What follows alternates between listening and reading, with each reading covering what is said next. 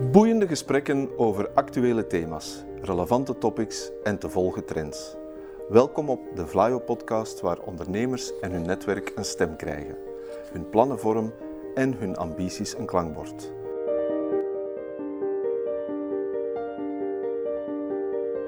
To the point waar het kan, dieper gravend waar het moet. Inspirerend, informerend, ondersteunend. Van artificial intelligence, blockchain en circulaire economie tot digitale zorg. Wij knopen het in jouw oren.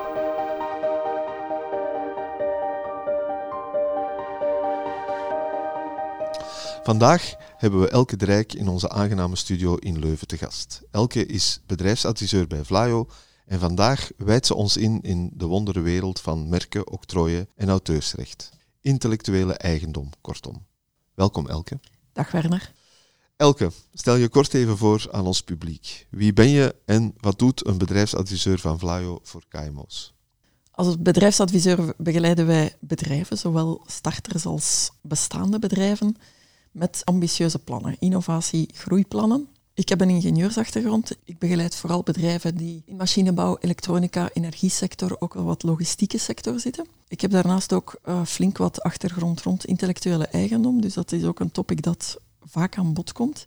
Waar helpen wij bedrijven mee? Um, dat is drieledig eigenlijk. Enerzijds helpen wij heel vaak in het zoeken van geld voor hun plannen, voor hun ambitieuze plannen. Daarnaast brengen wij in contact met allerlei partners voor samenwerkingen. Dat kan gaan om ja, bepaalde technische expertise aan te reiken, maar net zo goed over ja, bijvoorbeeld hulp bij het opstellen van een samenwerkingsovereenkomst of, of bepaalde andere juridische aspecten. En een, een, derde aspect dan is het advies geven over, informatie verstrekken over allerlei zaken die zij tegenkomen in het traject van idee tot en met vermarkting. En dat kan heel breed gaan. Dat kan gaan over wetgeving, dat kan gaan over businessmodel. Alles wat er waaraan moet gedacht worden in dat ganse traject. En dat is ja, behoorlijk wat, behoorlijk breed. En dat advies en die begeleiding die jullie geven is bovendien ook gratis, heb ik begrepen. Ja, dat klopt. We werken gratis en altijd onder confidentialiteit. Dat is ook heel belangrijk als je met innovatieplannen te maken hebt.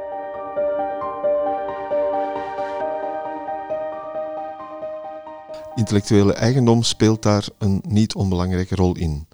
Waarom juist en wordt het door KMO's nog te weinig onderkend? Intellectuele eigendom kan inderdaad een grote rol spelen in het al of niet succesvol zijn van een onderneming. Enerzijds, en dat is dan eerder in een negatieve zin, kan het intellectueel eigendom van anderen je blokkeren. Een voorzorgsmaatregel is dan typisch een onderzoek in de beschikbare databanken met intellectuele eigendom. Ben je bijvoorbeeld over een nieuwe naam voor je bedrijf of je product aan het broeden, dan kan je in merkendatabanken controleren of die naam nog beschikbaar is. Mhm. Ben je aan het werken aan een technische uitvinding, dan is een onderzoek van octrooidatabanken aan te raden. Anderzijds kan intellectuele eigendom je een monopolie geven op een uitvinding of creatie en je op die manier toelaten er maximaal de vruchten van te plukken.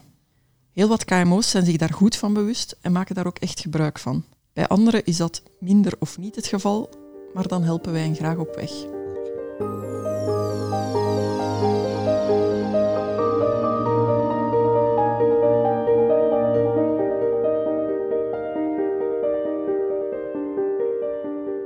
Want de laatste tijd komt intellectuele eigendom regelmatig in het nieuws.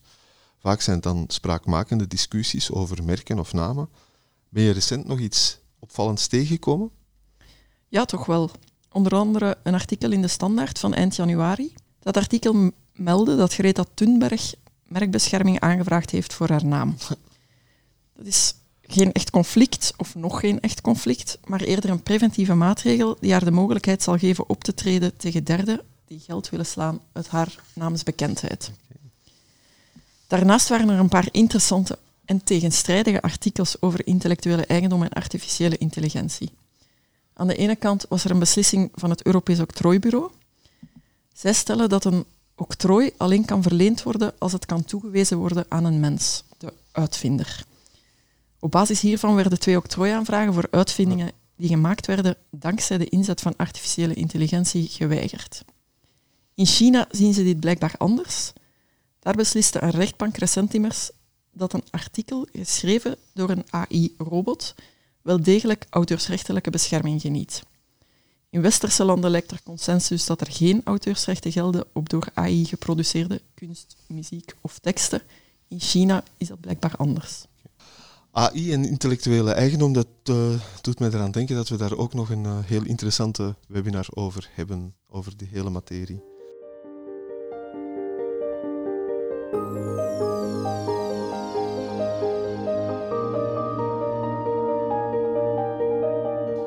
Misschien moeten we beginnen met een veel voorkomend misverstand, Elke.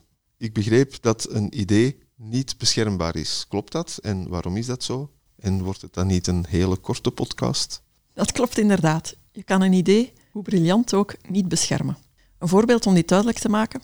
Nog niet lang geleden begeleidde ik een distributeur van HVAC-producten. Hij had een idee om binnenhuis lucht te zuiveren.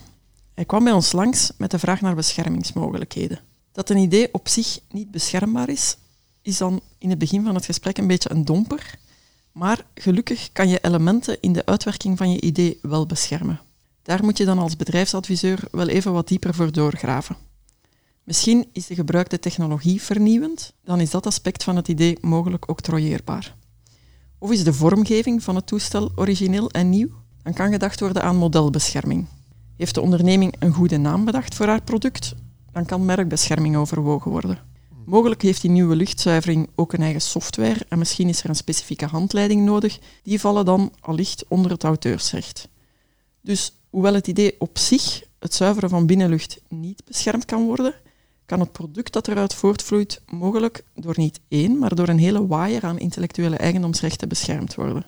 Vlaio doet heel wat om die kennis van KMO's rond intellectuele eigendom te vergroten. Kun je ons daar iets meer over vertellen? We hebben inderdaad een heel aantal initiatieven rond dit thema. Zo organiseren we regelmatig over heel Vlaanderen zitdagen over IE. Daar kan je, volledig gratis trouwens, als onderneming jouw uitdagingen op het vlak van IE één op één bespreken met een expert.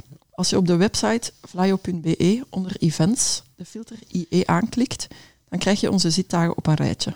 Op diezelfde website, flyo.be, vind je overigens behoorlijk uitgebreide informatie terug rond intellectuele eigendom. Zo hebben we recent de publicatie ons patentboekje geüpdate.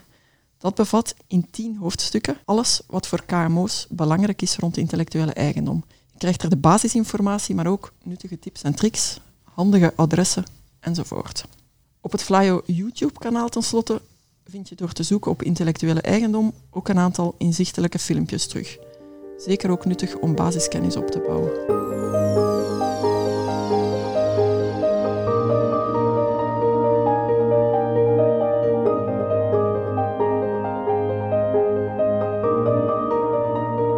En vandaag wil je ons door een handig stappenplan loodsen.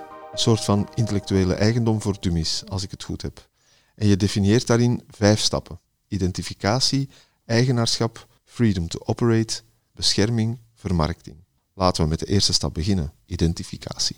Met identificatie bedoel ik dat je oplijst wat er allemaal bescherming waard is binnen jouw onderneming. Het kan bijvoorbeeld gaan om de naam van je bedrijf, van je producten of diensten, een logo of slogan, misschien bepaalde processen of recepturen, technische uitvindingen, mooie vormgeving, software of andere werken die onder auteursrecht vallen. Ook nog databanken, een klantenlijst of prijslijst, nog te lanceren acties of producten, know-how, specifieke kennis over hoe je iets doet. Betrek zeker ook je personeel bij deze oefening. Zo groeit ook bij hen het bewustzijn hier rond en kunnen ze het mee bewaken. En de volgende stap is dan eigenaarschap. Wat bedoel je daar precies mee? Wel, dan ga je de lijst bekijken die je net opgesteld hebt en bij elk punt je afvragen, ben ik wel zeker dat ik de eigenaar ben van dit intellectueel eigendom? Zitten de rechten inderdaad bij mij of bij mijn bedrijf? Vaak is dit niet automatisch het geval en moet dit contractueel geregeld worden. Zo is het gebruikelijk om in arbeidscontracten van medewerkers clausules op te nemen rond confidentialiteit, overdracht van rechten en misschien zelfs een niet-concurrentiebeding. Ook onderaannemers kunnen in aanraking komen met bepaalde zaken op je lijst of ze leveren er misschien zelfs een bijdrage aan. Denk bijvoorbeeld aan een onderaannemer die een website bouwt. Dan is het ook met hen nuttig schriftelijke afspraken te maken over confidentialiteit en overdracht van rechten. Met partners waar je een intensieve samenwerking mee hebt, bijvoorbeeld voor een RD-traject, wordt meestal een samenwerkingsovereenkomst afgesloten waar al deze zaken in opgenomen worden. Oké, en dan is stap 3 de freedom to operate. Wat is dat voor een vreemd beestje? In deze stap kijk je na of jouw idee of creatie niet conflicteert met de rechten van anderen. Ben je wel de eerste die dit bedacht heeft? Was je creatie misschien geïnspireerd op een andere creatie? Heeft iemand anders er misschien al een of andere vorm van bescherming opgenomen? Voor een aantal rechten zijn er online beschikbare databanken om dit na te gaan. Zo zijn er merkendatabanken, modeldatabanken en octrooidatabanken. Wij organiseren trouwens een vijftal keer per jaar een opleiding om te leren zoeken in de octrooidatabank Espasnet. Dat is interessant. En dan, de vierde stap is de bescherming. Daar las ik onder andere in ons patentboekje uh, over. En jullie kiezen daarvoor de goede strategie. Wat betekent dat precies? Wel, je weet nu al welke zaken je wil beschermen. Je hebt ook gecheckt dat je er de eigenaar van bent en dat je er geen rechten van anderen mee schendt. Dan pas kom je aan de vraag hoe je die zaken nu zelf het best beschermt. En die bescherming kan heel verschillende vormen aannemen. Sommige zaken, zoals een klantenlijst of een receptuur, kan je misschien geheim houden, al of niet ondersteund door een registratie. Technische uitvindingen worden soms heel bewust gepubliceerd om te verhinderen dat iemand anders ze nog kan octrooieren. En je kan natuurlijk ook zaken formeel beschermen via een merk, model of octrooi. Daarbij moet je dan ook nog de keuze maken tussen nationale, regionale of internationale aanvraagprocedures. Bij het maken van al deze keuzes spelen heel wat factoren een rol. Je bedrijfsstrategie moet daarbij leidend zijn. Wat zijn je plannen, je ambities? Geld uitgeven aan de bescherming van een creatie en die vervolgens in de schuif laten liggen is niet zo verstandig. Het nemen van een formele bescherming kost inderdaad geld. Een voorafgaande kosten-batenanalyse is dan ook aangewezen. En dan is er de vijfde stap, de vermarkting. Ook daarover moet je goed nadenken, want er zijn wel wat mogelijkheden. Ja, inderdaad. Je kan natuurlijk je uitvinding zelf exploiteren, maar je kan ook licenties geven aan anderen om je uitvinding te vermarkten in landen of sectoren waar je zelf niet actief bent. Ook in samenwerkingsverbanden zijn licenties vaak nodig. Dat kan gaan over RD-samenwerking, maar net zo goed over bijvoorbeeld een onderaannemer die een beschermd product voor je produceert of een distributeur die jouw product in een bepaalde markt verdeelt. Daarmee hebben we dat uh, vijf-stappenplan heel intensief doorgenomen. En misschien kan ik ook even verwijzen naar ons YouTube-kanaal, waar je dat ook nog in een uh, handig filmpje kan nakijken.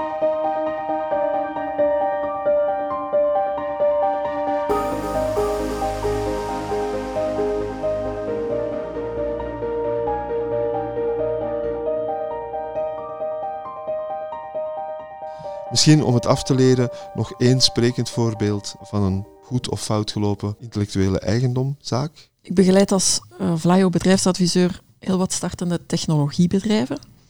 Daar zie ik toch wel heel regelmatig dat het eigen intellectueel eigendom een hefboom is naar samenwerking met een grotere speler die interesse heeft in die nieuwe technologie. Soms leidt die interesse ook tot een overname, maar ook andere vormen van samenwerking zijn natuurlijk mogelijk. Voor ik je uit deze studio laat gaan, Elke, uh, stel ik jou graag nog eens de vraag die ik aan elk van mijn sprekers stel. Welk type ondernemer zou jij geworden zijn of welke onderneming had je graag opgericht mocht je geen bedrijfsadviseur bij Flyo zijn? Ik denk niet dat ik alleen iets zou kunnen opstarten. Ik heb mensen rondom me nodig om mee te sparren, om zaken af te toetsen, om feedback van te krijgen en feedback aan te geven misschien ook wel. Maar als ik dan mee aan de wieg zou staan van een nieuw bedrijf, dan vermoed ik toch wel dat het een technologiebedrijf zou zijn. Liefst met een tastbaar product, iets dat je kan vastpakken, kan meenemen en kan laten zien. Dat is mooi. Bedankt, Elke. Met plezier.